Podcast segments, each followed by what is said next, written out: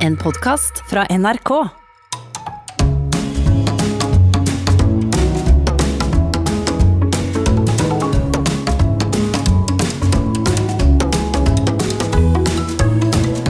Hjertelig velkommen til Sånn er du her på NRK P2, hvor vi, og vi, la det være klart, det er Nils Brenna, det. Hei.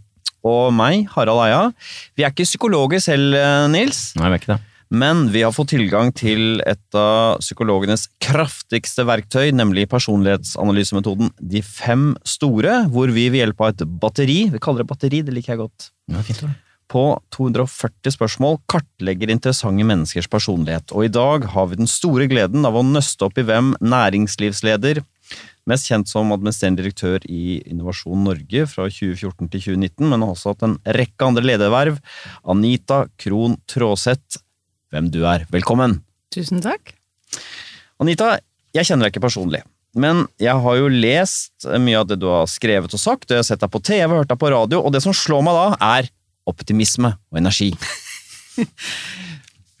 Jeg veit ikke om dette er riktig, eller om du har det inntrykket, men for folk som ikke har lest bøkene dine, eller ikke har møtt deg, eller noe sånt, eh, som kanskje bare leser om deg i avisen, så tenker du at du representerer en sånn ny spirit i norske samfunn, som er sånn god stemning, tommel opp, vi skal få det til, vi skal lykkes, som på en måte strider mot alt det de står for, og alt det de, som er på en måte alt det de forakter. Har du, har du møtt den negative ånden selv? Eh, Ja, eh, og det tror jeg er et premiss, jeg. Eh, Jeg tror det er vanskelig å være sånn uten å legge merke, merke til det. Men så er det jo hva slags eh, verdi da, og energi jeg tillegger, og hva slags oppmerksomhet jeg tillegger at det finnes. Eh, For jeg ser jo at det er der. Min erfaring tilsier at de som eh, kanskje møter meg er litt skeptisk, da, ikke sant? sånn som du sier, at dette er litt sukkerspinn, og dette er litt sånn eh, hult, og dette har ikke noe konsistens, og hva er dette greiene her, og Ja. ikke sant? De som da har blitt kjent med meg, og kanskje lest noe av det jeg har skrevet, vet jo at den optimismen er jo tufta på veldig tidlig innsikt om at livet ikke er spesielt optimistisk. I ditt eget liv? Ja, ikke sant? Jeg, jeg vokste jo opp med en bipolar mor, eh, som endte med å ta livet sitt. Så jeg vokste jo opp hver eneste dag med å se hvor vanskelig det kan være for andre. Eh, hvis helsa ikke er i orden, da. Bare det å stå opp er, er et slit. Det å, å, å ha nok eh, krefter i en arm til å holde en kaffekopp, er det ikke alle som eh, har, da. Så jeg da ble jeg nok litt sånn bevisst på at når jeg har vært så forbanna heldig, eh, og både blir født med et lyst sinn, og kan ta valg Jeg kan jo ta valg som andre ikke kan ta! Da skal jeg søren meg ta de valgene. Og om jeg da irriterer noen på veien, så tror jeg at jeg gleder flere enn jeg irriterer. Men jeg er klar over irritasjonen, altså. Ja, du vet om Ja, irritasjonen. jeg, ja, jeg er veldig klar over den. Vi skal se på hvordan du er rustet til å møte en sånn kritikk, Anita. Vi skal se hvor mye du er preget av negative følelser. Her kommer din score på nevrotisisme. Nevrotisisme det handler om sånne ting som angst, sinne, fortvilelse, hvor følelser man har for stress, sånne ting. Hvor mye slår det inn når livet ikke er så lett? ikke sant? Noen øh, veltes jo av en liten tue, andre øh, får man jo fader ikke i bakken, samme hvor mye man denger løs på dem. Det er også veldig irriterende. Fryktelig. Så vi begynner med den øh, underdimensjonen under nevrotisisme som heter sårbarhet overfor stress.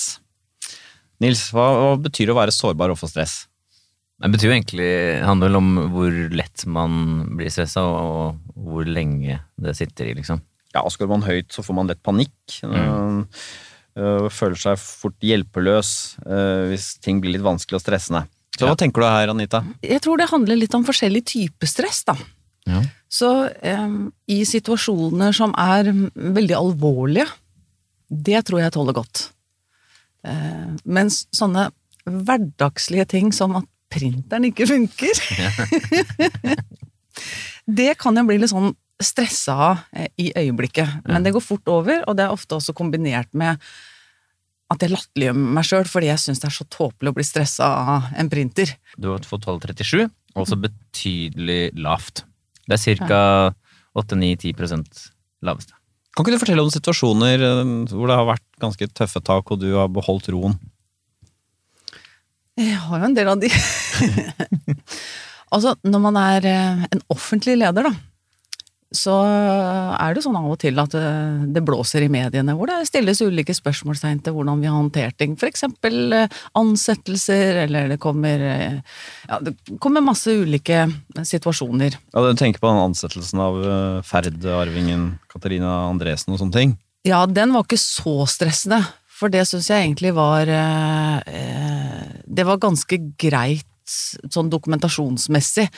Interessen var jo kjempestor i mediene, for der hadde du kombinasjonen eh, Katarina Andresen og denne blonde næringslivslederen i Innovasjon Norge. Eh, Kan de ha kokelimunka litt, eh, ikke sant? Ja, for det var noen bilder opp sosiale medier Ja, hvor dere var men sammen. ikke Det var, alle fikk og Ah, ah, nøret oppunder ja, fordommene ja, ja. sine der. Det var deilig. så, så, ja, ikke sant? Det var deilig, sier du. Og jeg tror det er mange som har sånn åh, litt sånn åh, endelig. Nå, Nå, etter snart fem år. Nå er det noe gærent. nå tar vi henne. Nå tar vi henne! Jeg tror det er litt sånn. eh, Men da har jeg en sånn is i maven på at eh, dette kan dokumenteres. Nå må vi bare håndtere det steg for steg. Eh, Vi får ta alle de innsynene vi kan. Vi får svare opp så godt vi kan. Men hva var kritikken, egentlig? Nei, det var nok eh, noen som trodde at jeg hadde hatt noe med hennes ansettelse å gjøre. Hun oh, ja. fikk en ansettelse på 20% som er en midlertidig ansettelse, i HR-avdelingen. Og, og jeg som administrerende har jo ingenting med 20 ansettelser å gjøre. Jeg Nei. aner ikke i hvilke avdelinger de foregår engang. Jeg ansetter bare eh, toppledergruppa, da. Ja, ikke sant? Men uh, Nå skal jeg si hvordan folk Ja, så det for seg. Ja. Uh, dere treffer hverandre på et eller annet sånn rikmannsfest, finner god tone. Så sier hun 'ja, arving, jeg har ikke en ordentlig jobb', jeg vet ikke hva jeg Du kan få jobb hos meg! sier du. Sånn tror jeg folk så det for seg. Ja, og det, og det tror jeg det er veldig lett å, å, å kunne tenke seg, fordi at eh, vi var jo på et sånt nettverk. Det var jo ikke fest, for å si det sånn, det var, eh, var et møte. Og hun er vel kanskje en av flere hundre, både menn og kvinner, som har kommet bort til meg de siste fem årene og spurt om om det er muligheter i Innovasjon Norge. Og da svarte jeg til henne som jeg svarer til alle, da må du gå på nettsidene, der ligger alle våre ledige stillinger.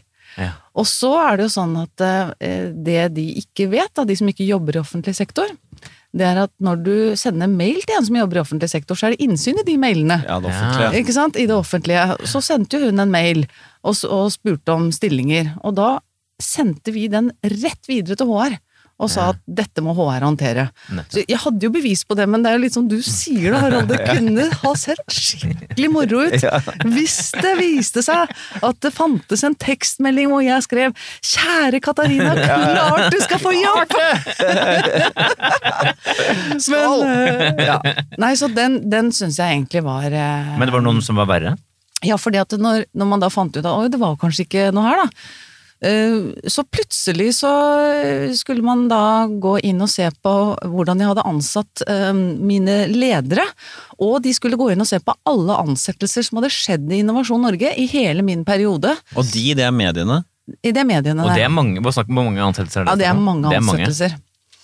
Eh, og, og da ble det jo sådd tvil, ikke sant, om jeg da, fordi uh, HR-direktøren tidligere i Innovasjon Norge, hadde jeg da jobbet sammen med i HP, og var det da sånn at hun ble bypassa, eller ble det kjørt en riktig prosess?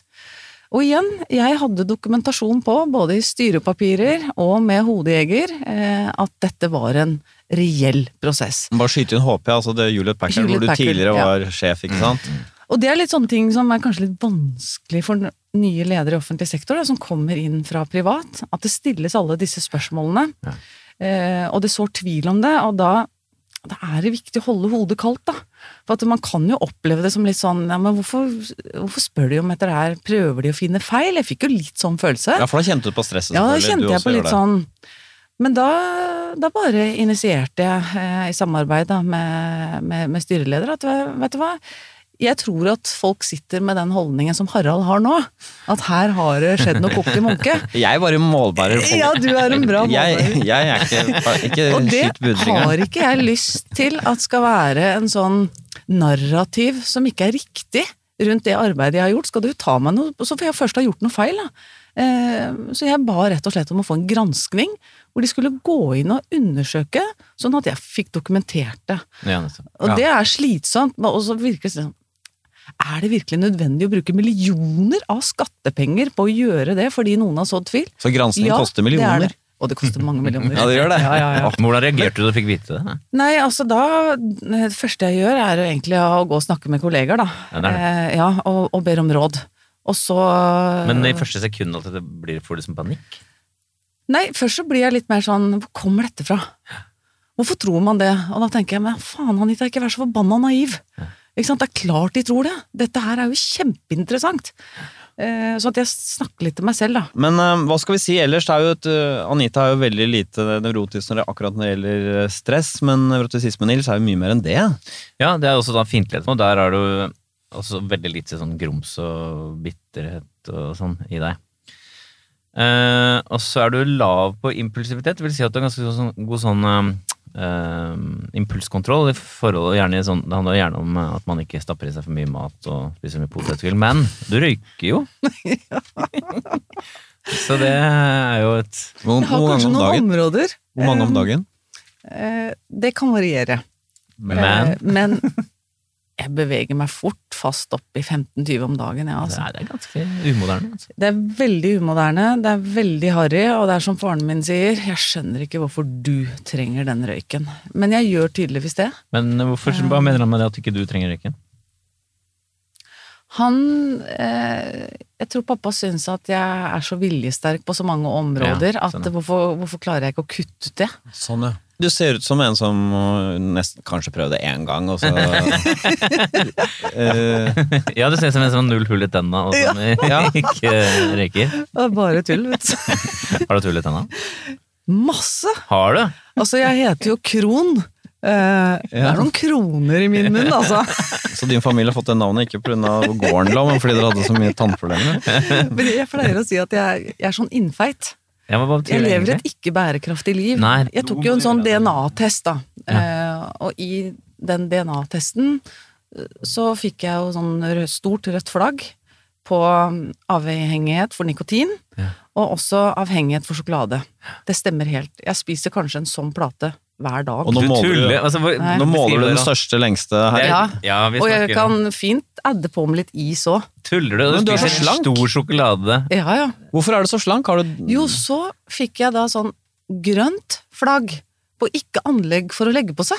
Ja, nettopp. Og da tror jeg det henger sammen, da.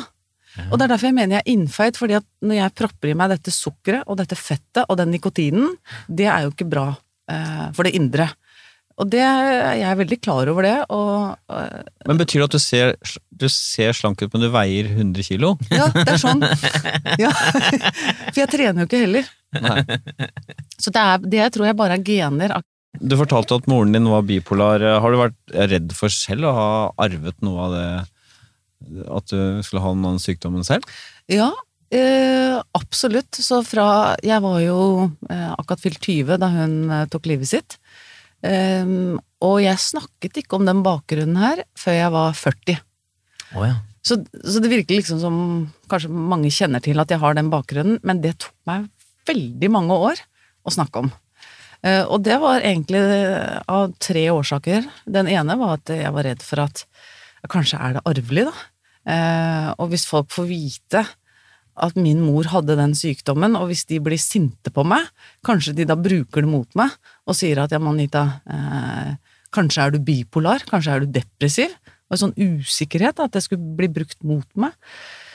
Og så var det også kanskje litt sånn eh, Jeg var litt sånn usikker på hvordan eh, mottakeren skulle håndtere budskapet om at jeg hadde bakgrunnen, fordi jeg har levd godt med den bakgrunnen og akseptert den. Jeg gikk jo rett på sorgsteg fem, som er aksept av ulike årsaker, og har ikke hatt eh, så mye sånn skyldfølelse for kunne jeg ha gjort noe som gjorde at hun valgte eh, noe annet?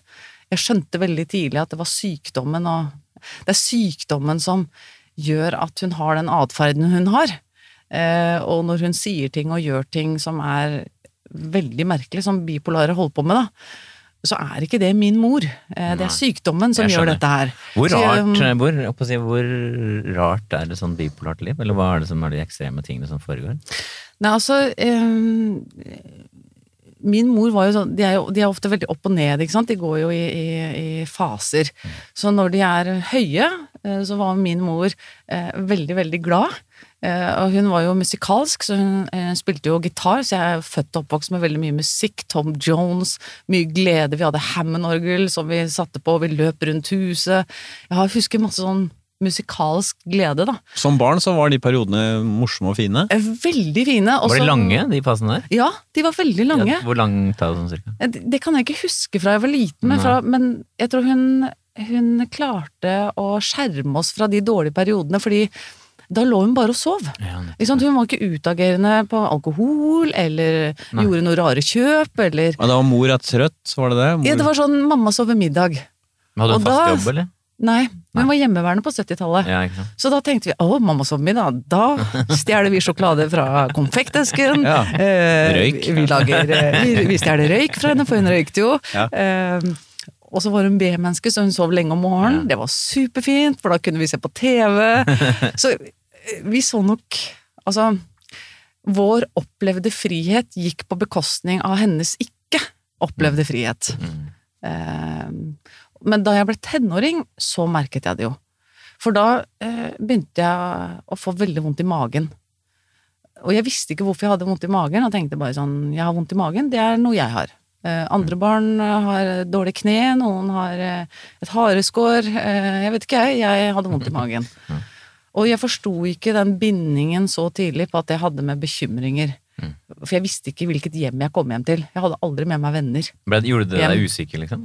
Ja, men den usikkerheten, da, eh, den forplanta seg i fysiske magesmerter. For du kjente den på en måte ikke i hodet? Jeg kjente den ikke mentalt. Nei. Jeg tror det er optimisten som da bare presser seg Ja, fram, ikke sant. Så jeg skal bare Ja. liksom Jeg satt jo som 12-13-åring og overtalte henne til å ville leve, uten at jeg forsto at det var det jeg holdt på med. Du gjorde det? Ja, jeg ble jo Husker du hva du sa og sånn? Ja, altså, jeg tok det som et sånn kjempetillitsforhold at Ja. mamma ville sette seg ned med meg og snakke med meg om dypt alvorlige ting, om ting som var vanskelig, da, om hvordan hun ble lagt inn på eh, psykiatrisk da hun var 18, 18 eh, hvor hun ble bundet fast til senga. Altså, jeg fikk jo innsikt veldig tidlig i sånne veldig spesielle hendelser. Ja, For noen kunne jo det vært en stor påkjenning. Ikke Ja. fortell dette til meg, jeg er et barn, og jeg vil ikke høre sånn. Men for deg så var det en tillitserklæring. Ja, jeg husker det som en tillitserklæring. Og så, eh, i 2013, eh, da jeg skrev den første boka 'Godt nok for de svina', det er egentlig første gang jeg da skriver om denne historien. Og jeg var livredd, Harald, tilbake til spørsmålet ditt, for hva ville omverdenen si om en toppleder som forteller om en bipolar mamma? Å, stakkars den topplederen. Hva, hva, hva, var du redd, hva var du redd for at folk skulle si sånn å, Ah, At det var sosialpornografi. ja. Ja. Eh, at hvorfor skal ledere dele sånne type ting? Og så kom det jo en anmeldelse i Finansavisen, da. Med overskriften 'Sosialpornografisk mesterverk'. Ah, Da tenkte jeg shit, altså. Det var jo akkurat dette jeg, ikke sant? jeg, jeg grudde meg til. Men da hadde jeg brukt så mye tid, og så når jeg skrev kapittel to, da, 'Bestemor Bjørg på månen', så jeg, jeg har grått så mye når jeg har skrevet det kapitlet, at jeg var liksom ferdigbehandla. At jeg tenkte om, om jeg får angre, angrep nå på det ene eller det andre. Det spiller ingen rolle. Eh, Jeg er, eh, er sikker på at det har en verdi at jeg deler den historien. Og så må jeg ta med meg at noen hater det. Eh, Men, men for å ta det litt tilbake igjen, for å avslutte dette med nevrotisisme, så er det jo da um, impulsivitet, altså røyking og alt vid- og så videre. Og så er det selvbevissthet, det som handler om sosial angst og skam og sånn, der er det også ganske lav. Så du går ikke rundt med den skamfølelsen. Eh, og så er du lite engstelig. Og så er du på snitt sånn cirka på depresjon, det, du det vil si tungsinn og sånn, der, eh, der er du som, sånn cirka som andre folk. Så du er jo da velsignet med et eh, robust uh, vesen. Det, ting biter ikke så godt uh, på deg, men det skal jo mer til uh, enn å være unevrotisk for å bli optimist og full av piff. Nå skal vi se på neste personlighetsscore, Anita, hvordan du ligger an på trekket ekstroversjon. Ekstraversjon det handler om uh, hvor mye glede og kick man får av den ytre verden. Uh, både fra mennesker og ting, egentlig, men også hvor mye energi eh, og kick man gir andre. Eh, og vi begynner med da denne underdimensjonen som heter sosialitet, som handler om i hvilken grad man søker og foretrekker andre selskap fremfor å være for seg selv. Er det sånn at man utlades når man er sammen med andre, eller er det sånn at man fylles av energi når man er sammen med andre? Og da, med andre mener jeg fremmede mennesker, ikke sånne nære relasjoner, da. Hvordan tenker du, er du, sånn, er du Tenker du på deg selv som en ganske sånn sosial type, eller er du egentlig ikke så sosial? Nei. Jeg er ikke så veldig sosial. Det koster meg masse å være sosial. Ja, ikke sant? Ja. Um... Du har fått tallet 40, som er tydelig ikke sosial, ja. Dette er veldig overraskende, for jeg ser for meg deg, du går rundt og mingler, kontakter og hei, og fra den ene til den andre, og ansette folk over en lav sko. så jeg er, eh, er ikke så veldig sosial, nei. Men eh, det er, ja, det er liksom Harald Triman tenker Jeg tror fleste ville gjette på at du var ganske sosial. La oss ta denne scenen som eh, jeg og mange ser for oss, at det er masse ståbord, det står noe drikke der, og det er noe champagne i et hjørne der, og det er noe Her skal det knyttes forbindelser i næringslivet, og det er toppledere og kvinner å stå på, vi kan. Og vi får til. Her står det med store bokstaver på scenen. um, og så går du Hva er det du kjenner på da, når du er på en sånn type event? Jeg skal love deg at jeg har gjort det jeg kan på forhånd for å slippe å dra dit. Oh, jeg sier det. Mm. Fordi det koster meg masse. Eh, Men hva er det som koster, liksom? Ehm, altså, så, så i jobbsammenheng så kan jeg gjøre det, ikke sant? Men da går jeg inn og leverer en jobb, og så går jeg ut igjen. Jeg er den første som går. Ja. Eh, og det er kanskje ikke så lurt ikke sant, sånn forretningsmessig med å bygge nettverk, men jeg, det, jeg driver egentlig ikke så mye med det. Det er ikke der jeg legger egentlig eh, mitt arbeid eller min eh, min fokus da, i det. Jeg, kan, jeg trives bedre i, mindre grupper, og så trives jeg med å la andre få møte andre, men jeg vil helst slippe eh, å være den som jeg, jeg, kan, jeg, jeg kan godt være vertinna som stikker av lite grann. Men når du først er der, da, hva er det du liksom føler på da, eller kjenner på? Nei, hvis jeg er der på jobb, så er det helt ok. Ja, og så går jeg med en gang. Men sånn generelt ellers eh, Beskriv den først. nei, Da vil jeg egentlig bare hjem. Ja. Jeg har lyst til å være aleine. Så det er ikke sånn 'Anita!' Uh! At det er liksom sånn Kom hit og bort dit og ba, ba, ba, ba, ba. Nei. I altså. jobbsammenheng så kan jeg gjøre det. Men, men privat, jeg vet ikke Jeg har jo ikke sett av, meg avbilda så veldig mye på røde løpere og premierer og Jeg, Ja, det er jeg er ikke på så veldig mye sånt uh, em, Så ganske overraskende lav score på sosialitet. Det er jo et introvert eh, trekk, eh, Anita. med En annen underdimensjon som jeg tenker på er selve kjernen i ekstroversjon på mange måter, er positive følelser. Altså hvor mye glede man kjenner på, og hvilken kraft og intensitet man uttrykker denne gleden. Er du en, tenker du på deg selv som en som er stort sett glad? Ja. Ja, Man har jo fått en følelse av det frem til nå. jeg Ja. gjør det, altså. Ja, du har 58, det er tallet er høyere enn det høres ut som, for det går ikke til 100. Det er sånn cirka 80% som er lavere enn deg. Ja, ikke sant? Um, men, eh, men hvor lett kan du bli glad? Veldig lett. Hva da, for eksempel? Det kan være Jeg kan eh, få sommerfugler i magen ved å tenke på at nå skal jeg sitte og binge-watche en Netflix-serie. Åh, jeg elsker det. Være aleine, kan sove eh, Kan sitte oppe til tre-fire om natta og slippe å stå opp hvis det er søndag. Og da, det, det fryder meg. Sånn- Og da får jeg sånn skikkelig Eller eh, Ja, det er sånne småting som det. Jeg, jeg kan la meg skikkelig begeistre av noe som bare treffer meg eh, i sjel og sinn, da. Men er det sånn som Vi har hatt noen før som eh, ikke liksom klarer å hvor, Den fysiske begeistringen, liksom. Hvor kan du liksom klappe i hendene? og- Ja, ja, ja. Åh, jeg blir kjempe, kjempeglad. Så nå, må jeg passe meg litt, for det det er ganske sånn ukult når sånne 50 år gamle damer som meg blir sånn superentusiastisk. Men jeg har jo tre døtre som da roer meg ned. Ja, Eh, Er det, er det, er det ukult? Ja, altså se meg på dansegulvet nå, som danser fra 80-tallet, det er ganske ukult. Men jeg elsker det, så det gjør jeg bare hjemme. Jeg er jo tidligere danser. Er det det? Ja, så jeg er veldig glad i eh, Hva slags dans, I dans. var det? Det vil du ikke vite! Hva da? Nei, jeg vet ikke om du husker dette her, men dette her var sånn god gammeldags eh, diskodans. Men ikke da sånn Travolta. Nei. Det var sånn Janet Jackson, vet du, med sånn sort og Michael Jackson og ja. Snake og Ja. ja. Det at du scorer så høyt på positive følelser, sammen med det at du er så unevrotisk, det er vel det som gjør deg til en sånn optimist, da.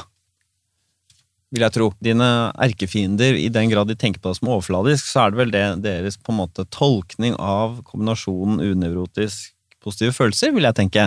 Du er Mm. glad og ikke så veldig plaget, og det er lik overfladisk, sett, fra, uh, sett med mistenksomme øyne. Det er riktig, så skal vi komme tilbake senere om du har noe dybde. Og så, Vi kan be for oss oppsummere ekstroversjonsscoren, kanskje? Ja, la oss gjøre det, fordi uh, Anita scorer altså lavt på sosialitet, men høyt på positive følelser. Mm. Hvordan ligger hun an på de andre underdimensjonene? Altså hun, I sum så er du verken introvert eller ekstrovert. Såkalt ambivert. Så jeg er ikke en utpreget ekstrovert person. Nei, du er Nei. en ambivert. Jeg er en ambivert. Ja. Alright. Men du scorer jo høyt på dette uh, urekstroverte trekk og positive følelser. Altså det er lett å ta deg for å være det. Ja, Men samtidig så scorer du lavt på også, vil jeg si, urtrekket sosialitet. Og så er du da på snitt på det som heter varme, i øvre del av snittområdet, nesten høy på mm, det som handler om å knytte seg til og ha et nært forhold til folk. I øvre del av normalområdet. Så er du på aktivitet, eh, så er du litt lav eh, i snittområdet. Og det betyr at du, du er ikke så ekstrem Du er ikke Petter Stordalen, liksom. Så det er helt sånn vanlig energi. Du kan like å slappe av, liksom. Du er ikke en energibombe. Veldig godt. Nei. Men du er ikke lav, altså. Du er ikke lav. Jeg er veldig glad i å slappe av. Og jeg kan være alene òg, gjerne i et par uker. Ja, du kan det. Har du ja, gjort det? Ja. Eh, lengste jeg kanskje har vært alene, er vel ti dager. Det er lenge. Hvor var det da? Det. Da var jeg i London. Det er lenge. Det er faktisk ganske lenge. Ja, det er lenge. Mm.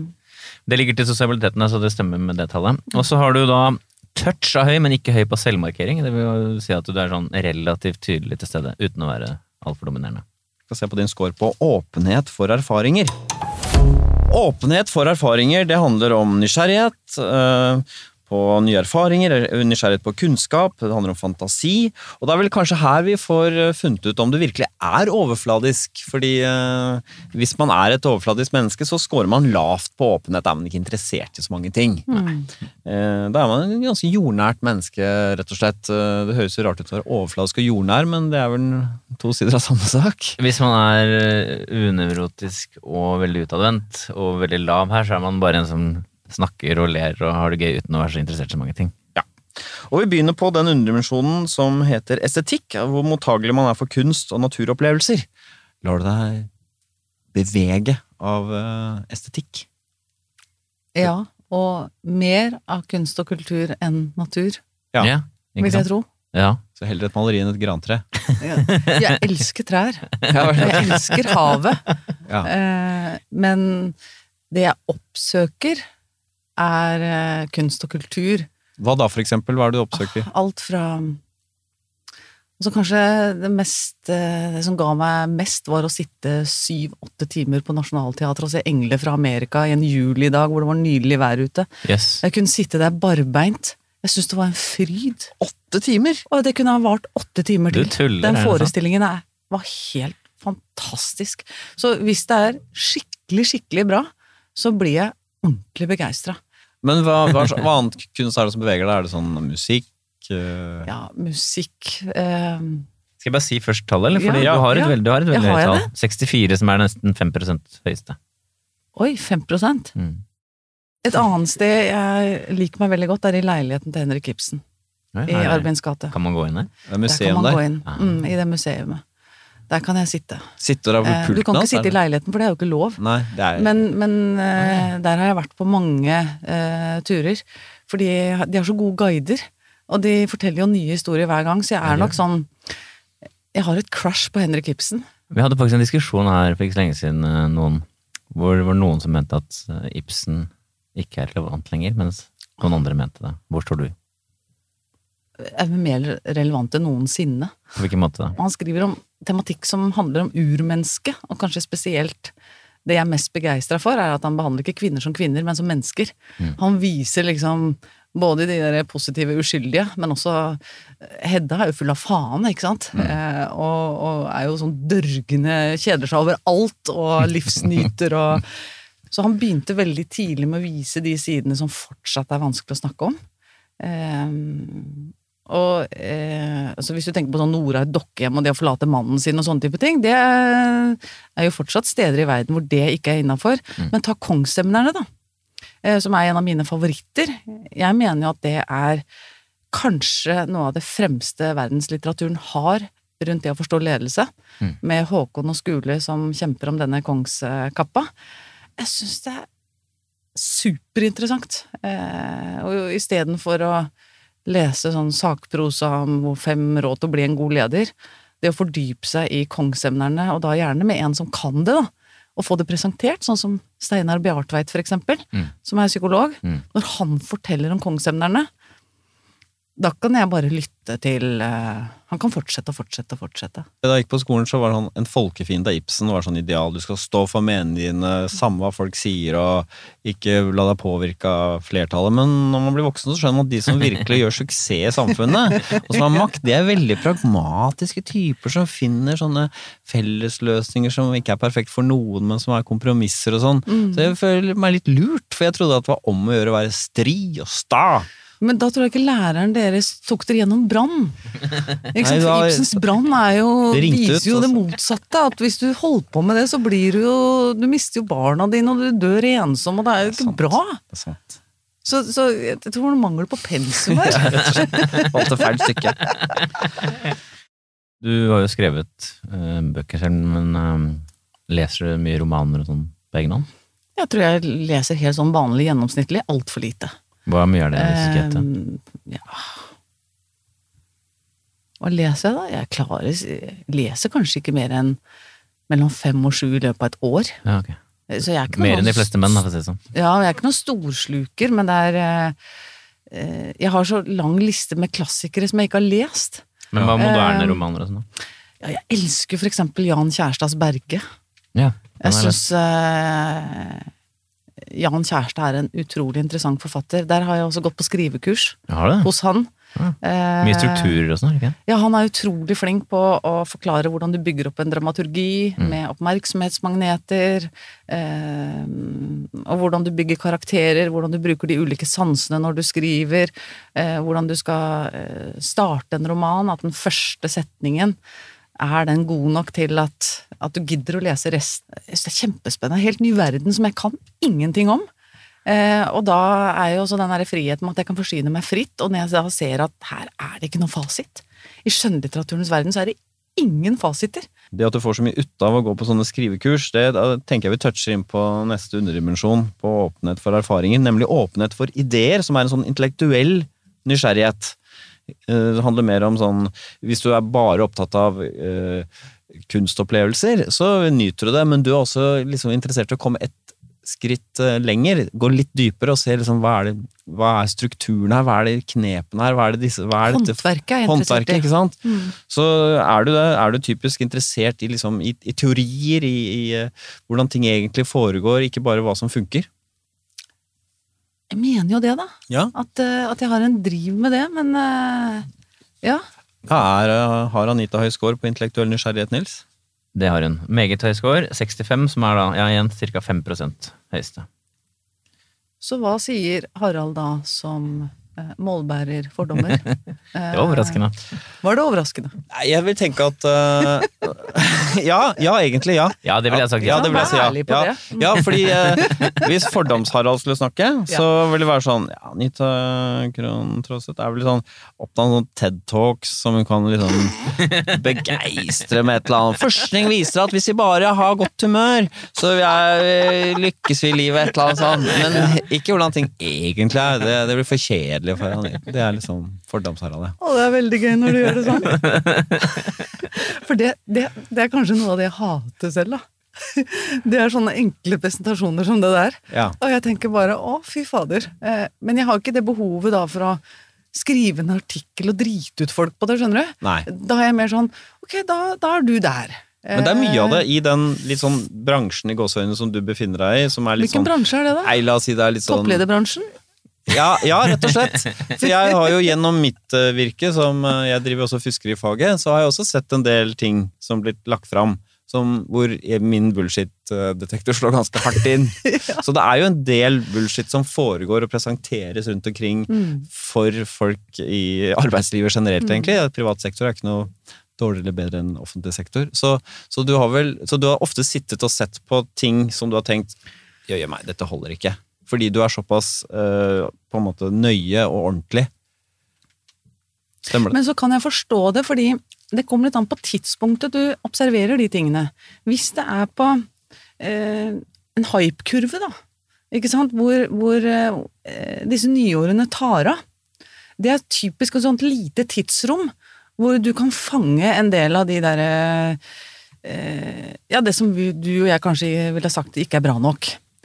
Men det har også sin funksjon, fordi at den, Du ser større på det enn det jeg gjør, ikke bare om det er liksom ja, fordi at det må gjennom det. Skal det bli en, en, eh, en etablert verdi, eller altså ta .com som et eksempel, da. Det var jo sånn høytid for useriøse folk, ikke sant. Og bare du hadde en forretningsplan hvor det sto noe med network i 2000, så fikk du kasta penger etter deg. Og hele ideen handla om at du ikke skulle tjene penger, du skulle bruke masse penger på fullstendig målløs markedsføring. ja. Men hva kom i etterkant av dotconk? Jo, da kom jo Facebook og Google. Så jeg mener at disse periodene er jeg ekstra interessert i, fordi det fører til et eller annet etterpå ja, så som gir substans. Så i den periode når ting slår gjennom, så er det rom for sjarlataner og Ja, vi klarer oss ikke uten de sjarlatanene. Vi klarer oss ikke uten disse hype-trollene. Men du må bare finne ut av når eh, Hvor er vi i den syklusen nå? Å ja, det er hype, ja. Ok, greit. Men da følger jeg litt med, og så er jeg mest interessert i det som kommer etter det. Når det begynner å bevege seg inn. Da skal du sette inn støtet. Da kommer substansen. Ja. Topp. Da skal du investere aksjene dine, Harald. Som du ikke har. Ja, for det var jo en litt sånn en, en, et litt sånn utvidet uh, perspektivet litt i forhold til å bare vurdere om det er sant eller ikke, men du tenker mer som en sånn Er de inne på noe Er det Vi har ennå ikke funnet det språket som skal til. For det, det ble en debatt også som du var involvert for, nettopp noen var sånn Jeg er lei av omstilling og ikke sant. Du skriver jo noen ganger om sånn transformative change og sånn. Og det er jo uh, det er jo noen ganger dette, dette språket går litt på tomgang, men for deg så har det en Det har en kontekst, da. Ja. Ikke sant? Og så henger jeg meg nok ikke så opp i semantikk, og tenker at um, det som høres enkelt ut, som regel sånne enkle slogan som da eh, sånn type sånn Seize the Day og sånne som har overlevd generasjoner av mennesker. Jeg tror en del av de slogansene kommer fra veldig krevende erfaringer, og så har noen klart da å forenkle det, og så kan det resonnere til veldig mange som da ikke helt klar, har kanskje gått gjennom samme prosess, men de gir de et eller annet. Ja. Og jeg tenker at eh, ja, det, det, det får være sånn. Eh, det er helt greit.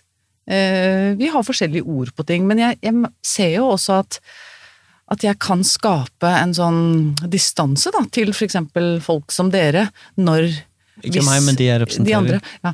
eh, hvis jeg bruker sånne ord, sånn som eksempel drømmeløftet, som jo var en eksersise vi hadde da i Innovasjon Norge. Og hva var egentlig det? Jo, det var en mobiliseringsaktivitet eh, som gikk over eh, alle fylkeskommuner og alle land for å prøve å få input, rett og slett forskning, da, en liten forskningsøvelse, for å få input på hva er det eh, bedriftene nå ser til, hva er det de tror at de skal leve av de neste 15-20 årene.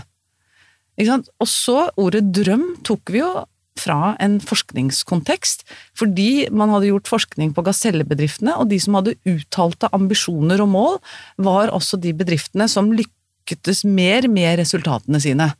Sånn at det å faktisk ha uttalte drømmer og visjoner, det øker sannsynligheten for å nå resultatene. Men det er klart, du har jo ikke tid til å gå gjennom liksom sånn lange avhandlinger. Så når du får bare det, det drømmeløftet, så er det en så- så kan du klisjé tenke, og en Hva er dette her for noe bullshit, ikke Ja. sant? ja, så det er interessant, ja. Mm. Ja, men Så det er litt sånn øh, folk som har gått på universitetet som bare sånn fnyser av det.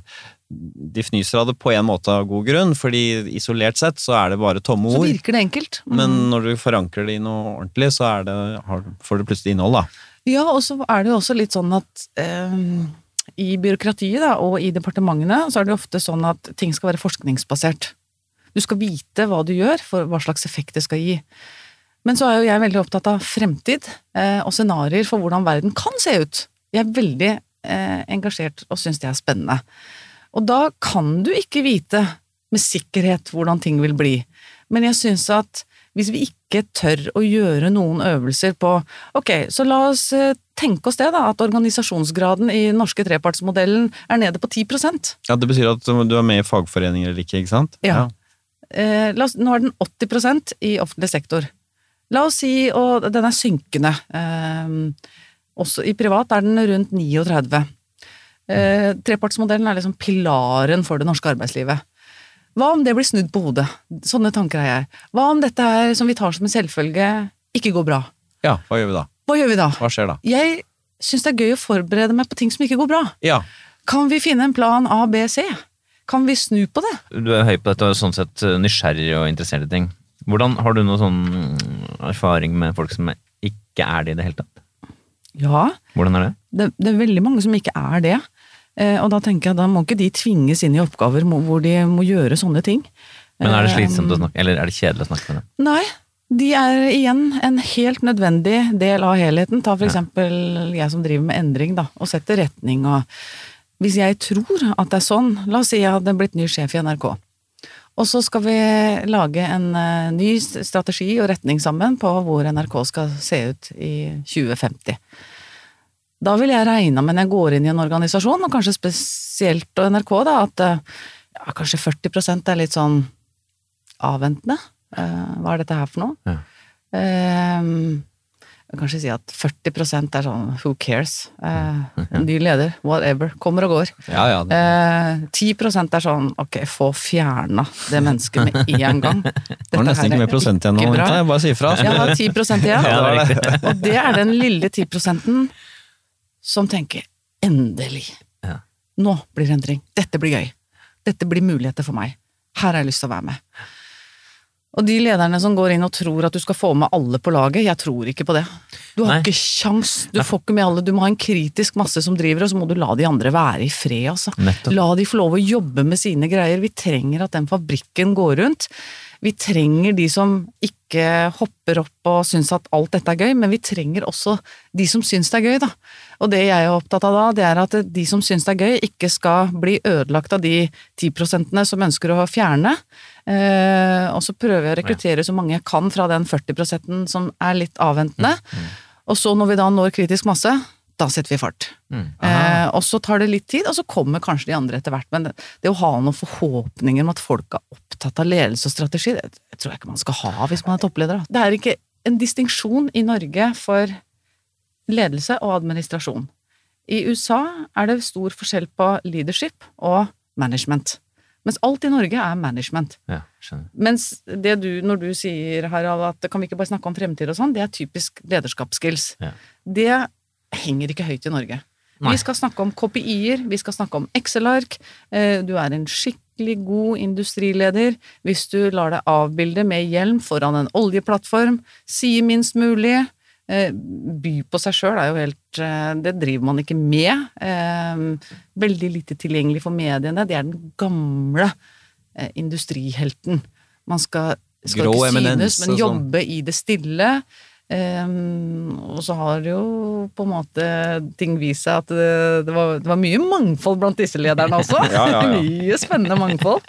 Uh, men ja, sant, det, her, det, det er ikke Vi har jo noen sånn kultur i Norge for hva, hva vi vil og hva vi mener er en eh, god leder, da. Eh, og det er ikke nødvendigvis rom for sånn veldig stort krumspring på det, altså. Nei, og da ender det opp med litt sånn Litt sånne sjablonger, da, rundt endringsledelse, Ja, så det er klart at- endringsomstilling og særstilling, omrettstillingsendring. Eh, sånn Nei, men altså når du velger da eh, både være i mindretall på kjønn eh, og en litt annen profil, eh, og mer kanskje ledelsesfokusert enn administrasjonsfokusert, så ber du jo om trøbbel.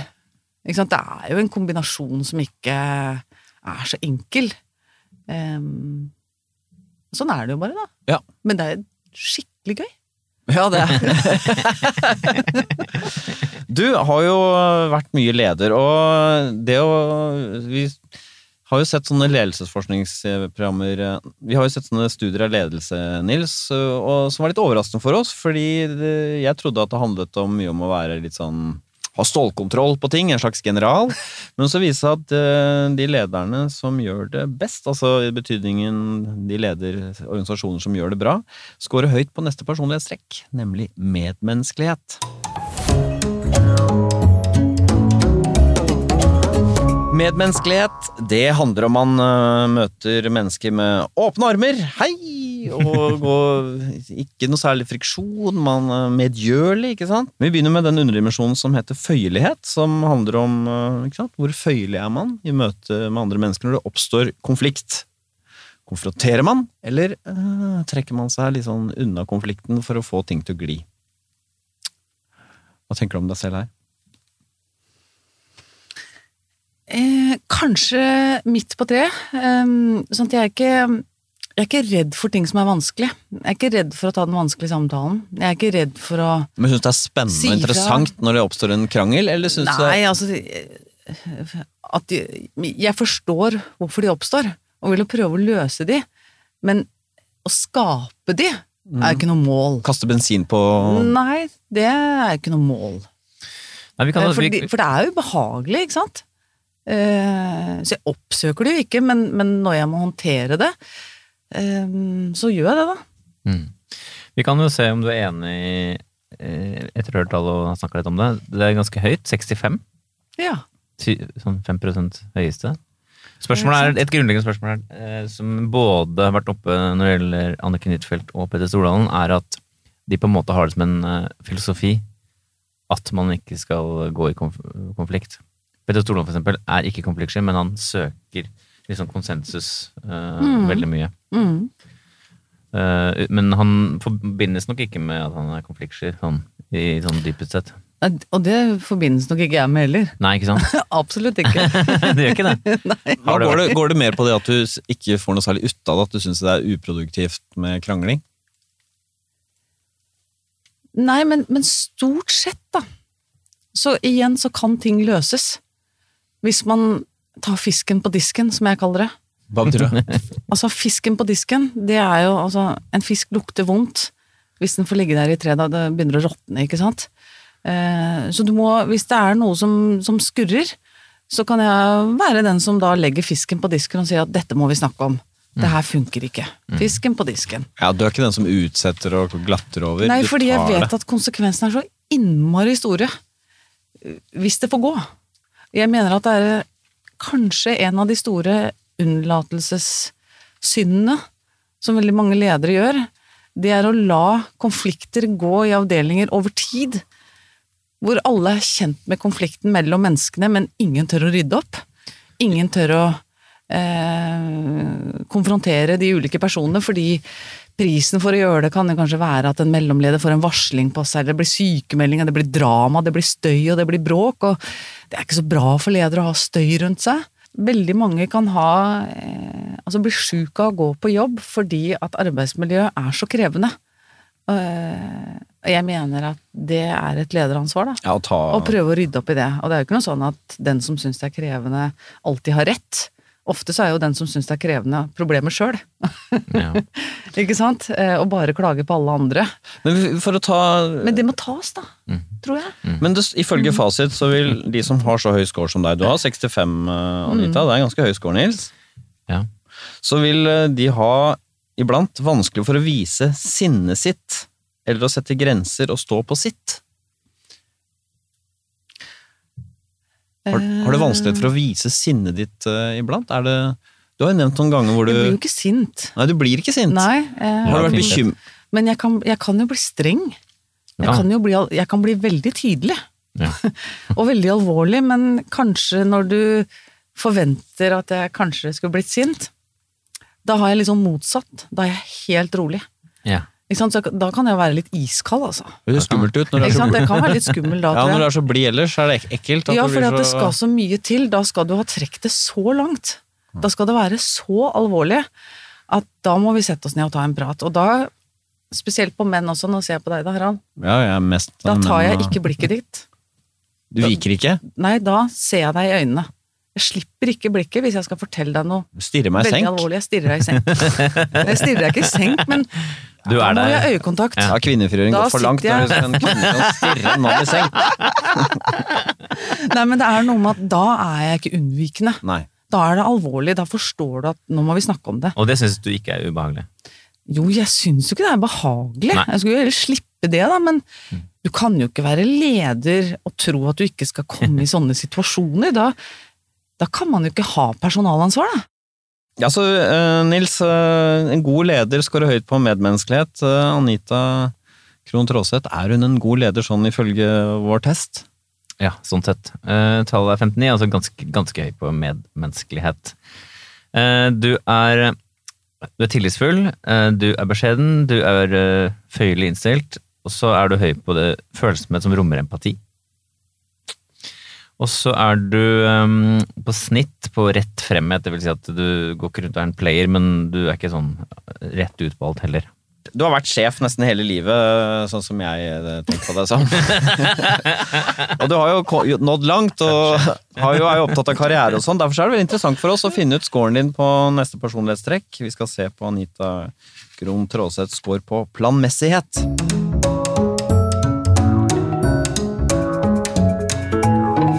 Planmessighet det handler jo om viljen og drivkraften til å prestere for å oppnå sine mål. Hvordan eh, tar man tak i oppgavene sine? Ikke sant? Er man eh, systematisk og setter seg mål, så kommer man jo langt. Det vet du jo med disse gasellebedriftene, du har jo selv studert dem. Men det gjelder også på individnivå, da. Og vi begynner med den underdimensjonen som heter prestasjonsstreben. Det handler om hvor ambisiøs man er. Altså, man, man setter seg da noen mål hvis man scorer høyt. Da det skal få til det og det og det. Uh, Skårer man lavt, så er det man litt sånn Jeg får se hvordan det går, og jeg gjør så godt jeg kan. Litt mer sånn. Hvordan uh, tenker du? Er du, eh, er du ambisiøs, sånn som jeg har beskrevet her? Jeg kan absolutt være ambisiøs på vegne av prosjektet, på vegne av oppgaven. Jeg er veldig opptatt av å sette retning. Og så kanskje noen overordna mål, for jeg syns veien ditt er spennende. Men på, på deg personlig. For du setter deg mål. Jeg skal få til ditt, jeg skal få til datt.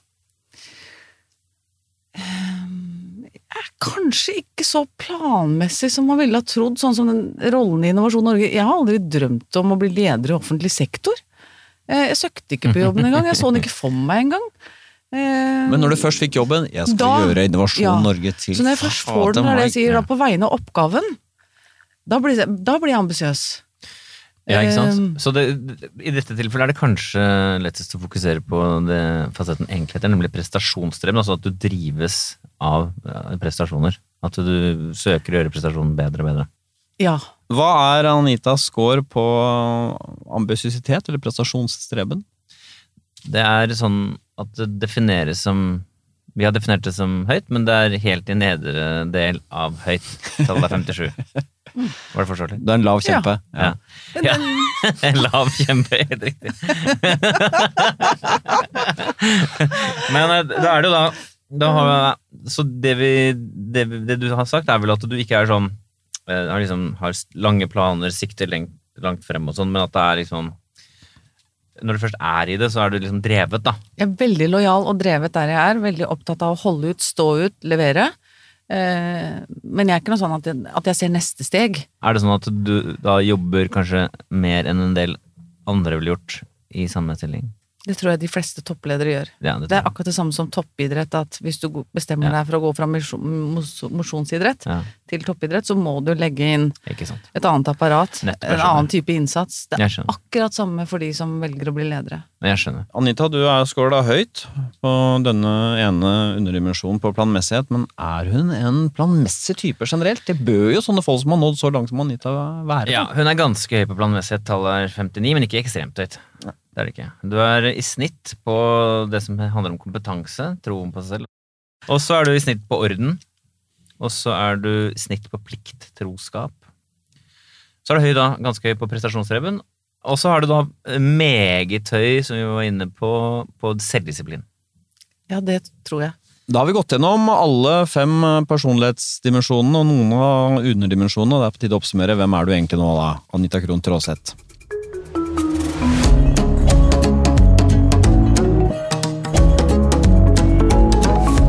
Vi startet ut Nils, med å lure på denne begeistringen, denne optimismen, eh, den, denne freidige attityden som eh, Anita har mye av eh, som leder av Innovasjon Norge og generelt glad i endring og omstilling og sånne ting. Om det var, kom fra et indre sted, eller om det bare kom med rollen. Og vi kan vel fastslå at her har vi med å gjøre med en ekte optimist.